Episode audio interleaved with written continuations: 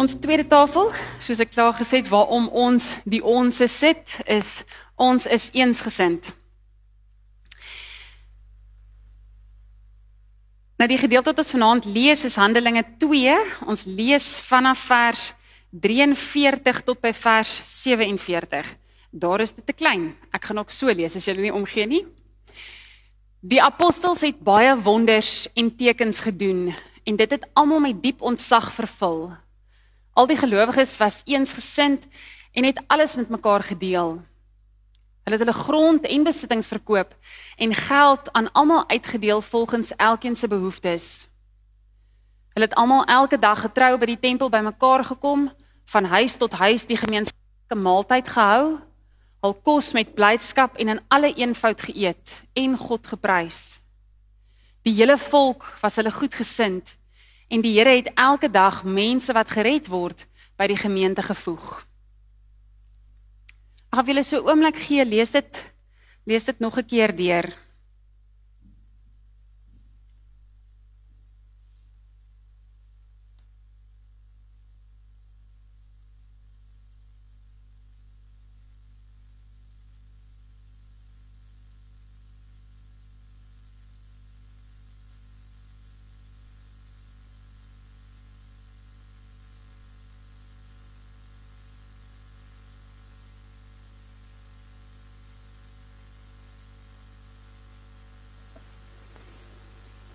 Here waar ons nou met u woord oop sit voor ons. Vra ek dat u self asseblief die boodskap bring. Dat dit nie net my woorde is nie, maar dat dit vir elke persoon wat hier sit vanaand 'n saadjie iewers sal plant. En Here weer eens sê ek soos dit kan nie preek wees, maar dit kan ook in die woord wees. Dit kan ook net in die hier wees wees. Dit kan in 'n lied wees. U weet wat elke persoon se behoefte is wat vanaand hier sit, Here. So spreek, Here, want ons luister. Die onsse om hierdie tafel luister vanaand. Amen. Nou hierdie gedeelte gaan ons die hele week gebruik. En wat dit net vooraf gaan is Hemelvaart. Jesus het gekruisig en hy het opgevaar hemel toe. En dit het gebeur o en dan is die Heilige Gees uitgestort ook net voor hierdie gedeelte.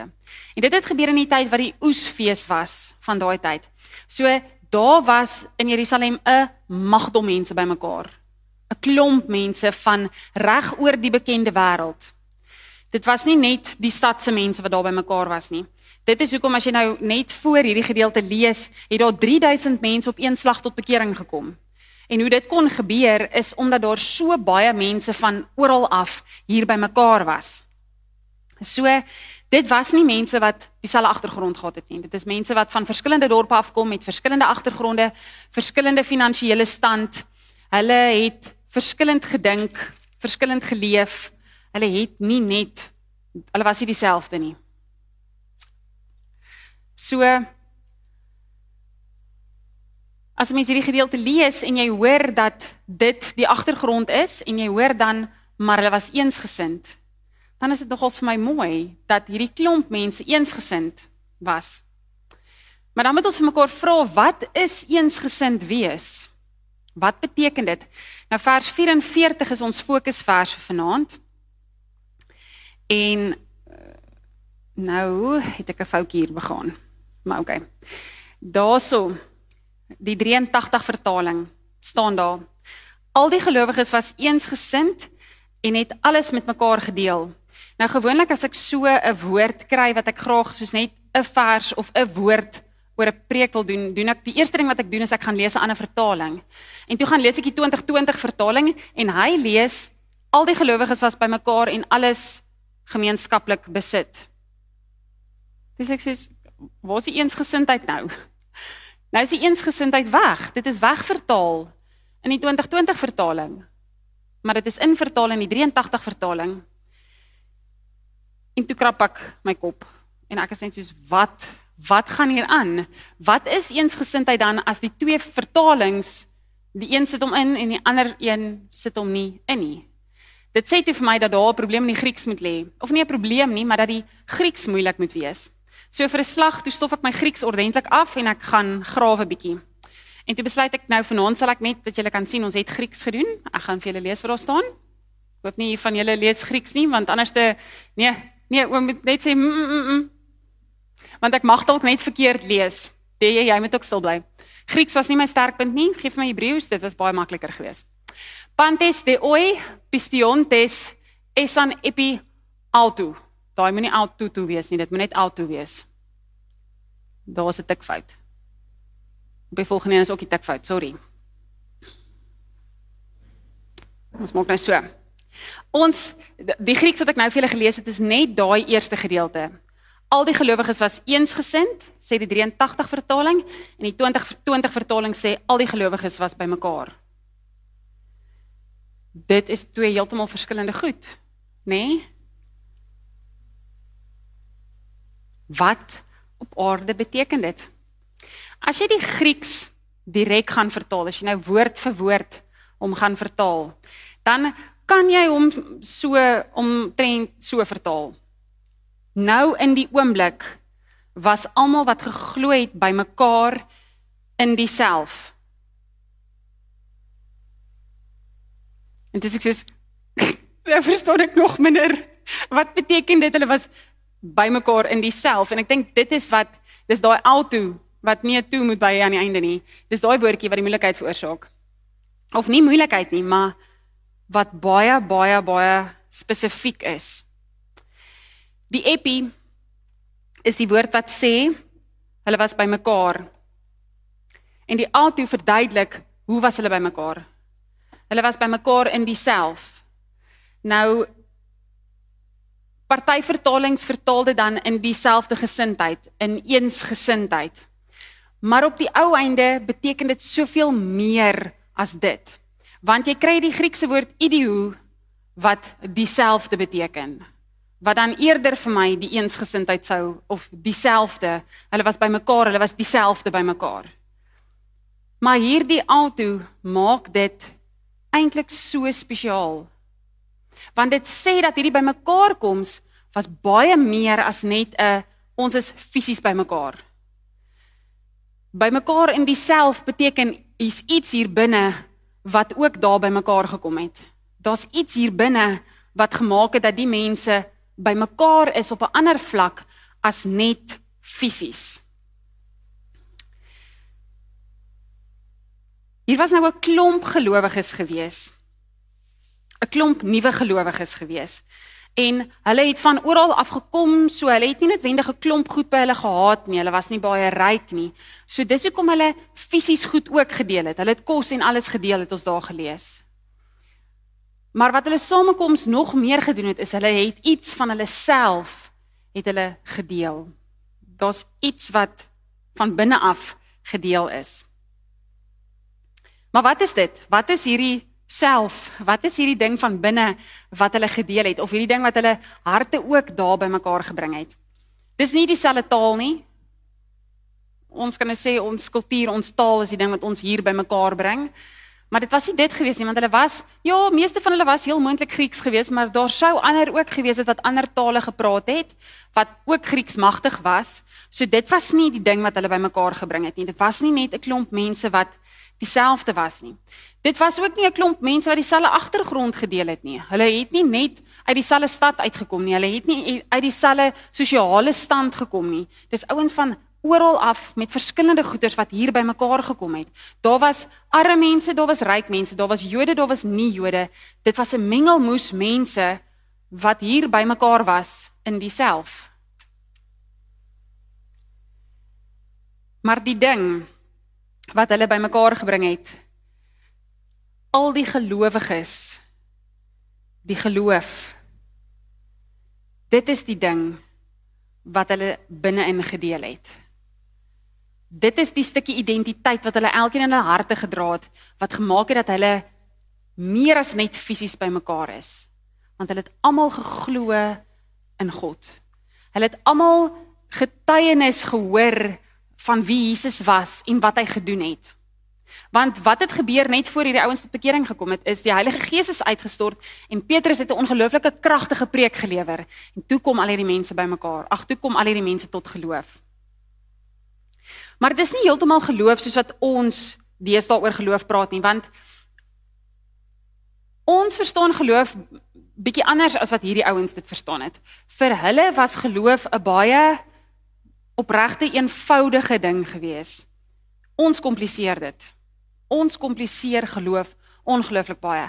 Want die oomblik as ons praat oor geloof, dan begin ons sê geloofsbelijdenis. Kom ons sê die geloofsbelijdenis op. Wat glo ons? Hoe glo ons? Glo ons glo in die klein doop, nie die groot doop nie. Dan begin jy nou allerlei ander vrae vra en die kerk het al baie beklei oor 'n klomp van hierdie goeters oor wat glo ons? Hoe glo ons? En eintlik alwaar hierdie mense in Handelinge geworry het is wie glo ons? Wie is dit waarin ons glo? Nie wat en hoe nie. Wie is dit waarin ons glo? Want ons met ons gekompliseerdheid van die geloof kom waar ons vandag in die NG Kerk is met gemeentes wat doleer oor 'n klomp goed en gemeentes wat nie saamstem nie en ouens wat koppe stamp en beklei en oorlog voer op die ou einde. Omdat hulle beklei oor wat en hoe glo ons? Maar nie oor in wie glo ons nie. Dit was nie die geval in hierdie eerste gemeente nie. Hierdie eerste gemeente wat hier bymekaar was, het nie vir mekaar gesê, "Hoe glo jy? Hoe dink jy oor hierdie saak en as jy van my verskil, as ek vir jou baie jammer, dan gaan ek jou wegstuur nie." Hierdie ouens het gesê, "Ons glo saam in onsself, glo ons in God die Vader." En in Jesus Christus en in die Heilige Gees wat ons ontvang het. En dit is vir ons belangrik. En daarom is ons hier saam en daarom deel ons al ons goeders want ons is lief vir mekaar en ons sien ons sien mekaar. Ons sien nie hoe en wat jy glo nie, maar in wie jy glo. Hulle was eensgesind. Nie deurdat hulle dieselfde lewens geleef het nie, nie dat hulle dieselfde gedink het oor alles nie, nie dat hulle dieselfde kos lief voor was nie, Hulle was eensgesind omdat hulle geweet het in hulle harte is dit God wat hulle bymekaar bring. Hulle het saam tot geloof gekom. En daai saam tot geloof kom, dink ek is die ding wat hulle eintlik nog sterker gebind het, is dat hulle in daai oomblik as nuwe gelowiges saam was. Nou ons is nie hier as nuwe gelowiges saam nie. Ons is baie van ons het al baie langer met die Here te doen as ander. Maar in hierdie geval was dit wat hulle bymekaar gebring het. En tog is dit wat ons ook bymekaar bring is ons storie, daai gedeelde storie in wie glo ons. Hulle saamwees was ook verstewig in Petrus se se preek wat hy gelewer het, was spesifiek gewees. Julle het nou nie tot bekering gekom of julle is nou julle het nou die Heilige Gees ontvang, so nou moet julle so leef. Julle moet nou julle sondes berou, bely en berou hê en julle moet anders leef. So die verdere storie storie wat daai nuwe gelowiges gedeel het is hierdie ons is saam en ons is saam skuldig aan sondes en ons kom saam voor die Here staan en ons sê Here vergewe ons asseblief. Nie vingers wys en sê jou sonde is meer as myne nie. Nie gesê jog, maar daai ou het darm so 'n bietjie meer as ek verkeerd gedoen nie. Dit het uit en uit gegaan oor ek self. Wat bring ek na hierdie tafel toe? Wat se sonde bring ek na hierdie tafel toe wat die Here my voor moet vergewe? Waarvoor ek myself moet vergewe.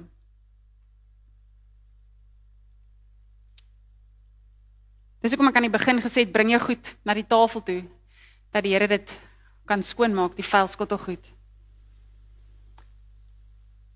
Hierdie eerste gelowiges het besef dat hulle afhanklik is van God se genade en die liefde vir mekaar. Dit is die ding wat daai gemeente aan die gang gehou het en regop gebou het. Hulle het besef dat hulle kan nie hulle eie agendas dryf hulle eie vooroordeele dryf nie. Hulle moet nederig en oop voor God kom staan. Hulle moet al hulle propagandas en goeters buite by die deur los. As ons nou terugkom by die woord eensgesind, as ons nou stiek met die 83 vertaling en ons sê, okay, ons sê al die gelowiges was eensgesind. Nou het ons 'n bietjie agtergrond van presies wat die Grieks bedoel met dit, maar dis dieselfde soos met die geloof. Ons maak eensgesind baie ingewikkeld want ons dink outomaties eensgesindheid beteken 'n kopding en dit het glad nie met ons koppe te doen nie. Ons dink ons moet dieselfde dink.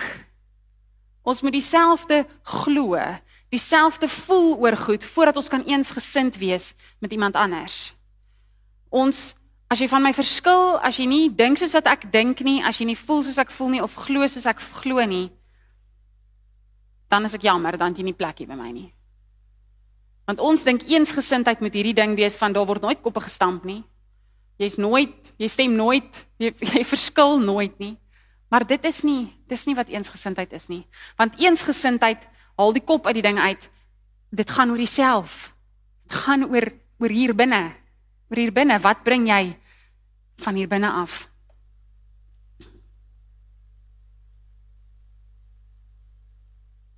En dan is die vraag is ons bereid om om so in God te glo in die wie te glo dat ons ons watte en ons hoes en ons eie idees van wat ons dink belangrik is daar buite sal los om hier waar ons as 'n familie om 'n tafel sit saam met die Here 'n stukkie van onsself te deel.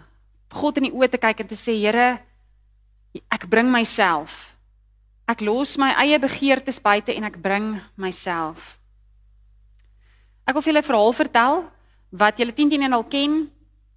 En dit het my rukkie gevat om by die verhaal te kom want ek het al die storie iewers gehoor en ek wou geskiedkundig korrek wees. Ek wou nie hier 'n storie vertel en net sê dis 'n storie nie. Dit het regtig gebeur.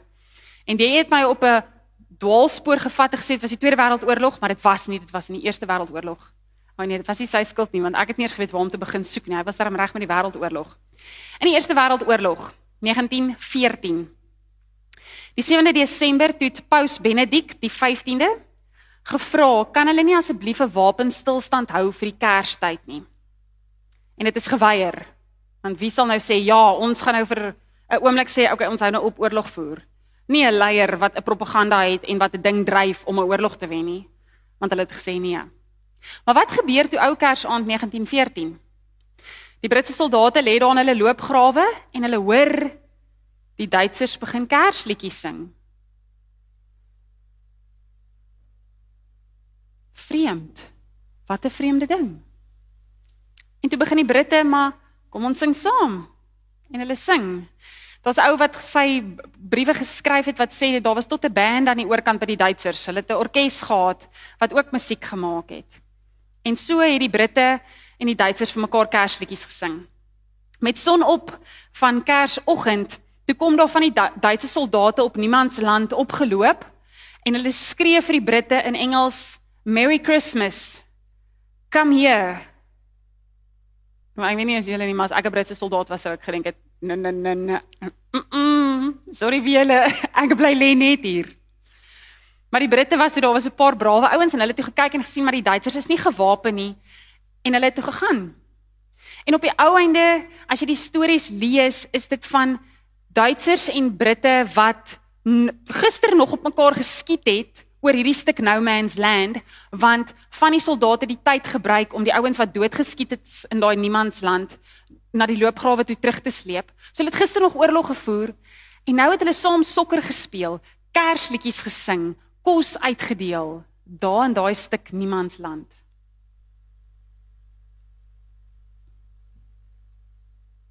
Ek dink nogals as Handelinge nie geskryf is net na die Heilige Gees uitgestort is nie. Kon Handelinge 2 vers 44 hier in hierdie wêreldoorlog 1 situasie ook baie gepas gewees het om te sê al die gelowiges was eensgesind en hulle het alles met mekaar gedeel. In 'n oorlog, twee vyande, die Duitsers en die Britte, daar in niemand se land. Hulle was nog steeds vyande. Hulle was nog steeds besig om oorlog te voer. Die volgende dag het hulle verder op mekaar geskiet. Maar in daai oomblik het hulle iets van hulle self gedeel. En wat was dit wat hulle gedeel het? Die oorlog. Maak nie saak aan watter kant van die geveg jy was nie, jy was deel van daai oorlog. Jy het op ander mense geskiet.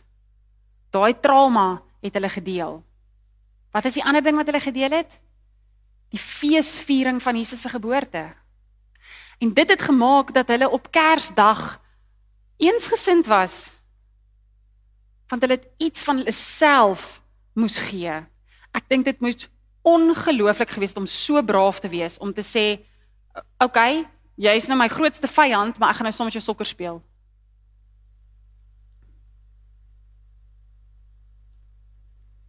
Hulle het 'n gedeelde storie gehad.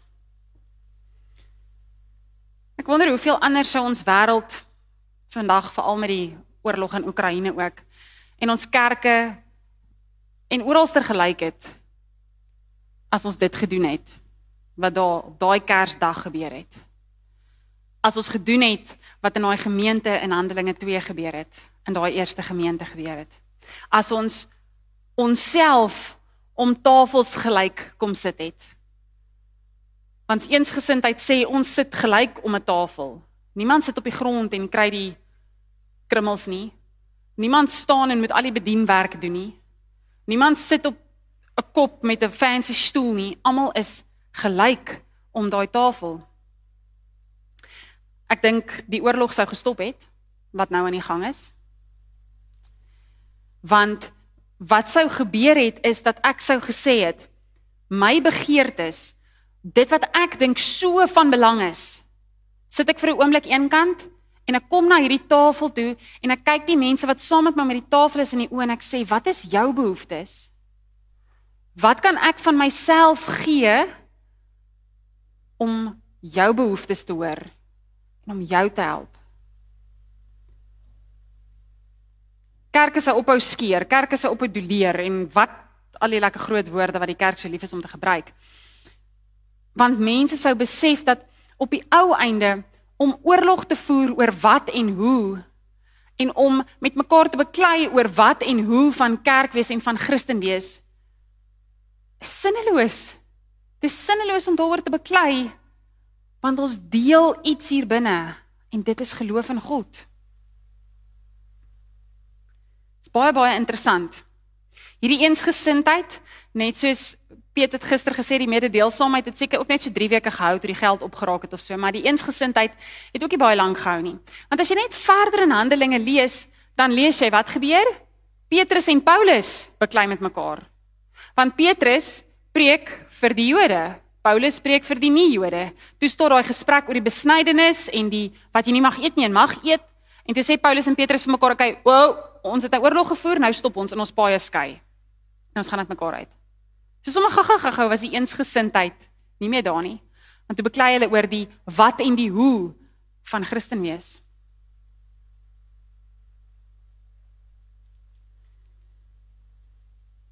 Kom ons probeer dit. Om by ons werk, ons huise, daar waar ons kuier, daar waar ons leef, net vir 'n slag ons gewere neer te sit. Ons wapens neer te sit en op niemand se land te kom Daar waar niemand beklei oor niks nie, waar niemand stry oor wie is beter en wie is slimmer en wie dink beter en wie dink slegter nie.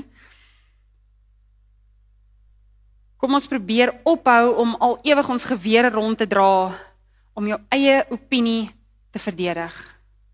Want dit is wat ons eintlik doen. Ons loop in voer oorlog omdat ons graag wil hê mense moet hoor dat my begeertes en my opinie is eintlik belangrik. En eintlik wat ek moet doen is ek moet hierdie self uit myself uithaal en sê gaan nie oor jou nie. Gaan oor wie? Oor God. Kom ons probeer in hierdie hierdie week in die Pinkster en dit wat hier nakom om op daai niemands land te stap en ons vyande te gaan ontmoet. Sonder 'n wapen. Sonder 'n wapen waarmee jy gaan beklei Want dit wat hier gebeur het in Handelinge 2 is veronderstel om vandag in ons lewens ook te gebeur. Ons is veronderstel om op niemand se land te kan loop sonder om te beklei. Ons moet daar op niemand se land God se teenwoordigheid gaan kry. Want as God vanaand hierdie tafel gedek het en hy het vir my en jou kom nooi om om hierdie tafel te sit, sou ons almal presies dieselfde belangrikheid gehad het. Ons sou almal presies dieselfde kos gekry het, presies dieselfde hoeveelheid kos gekry het, dat daar nie eers 'n bekleierery is oor. Sy het meer as ek.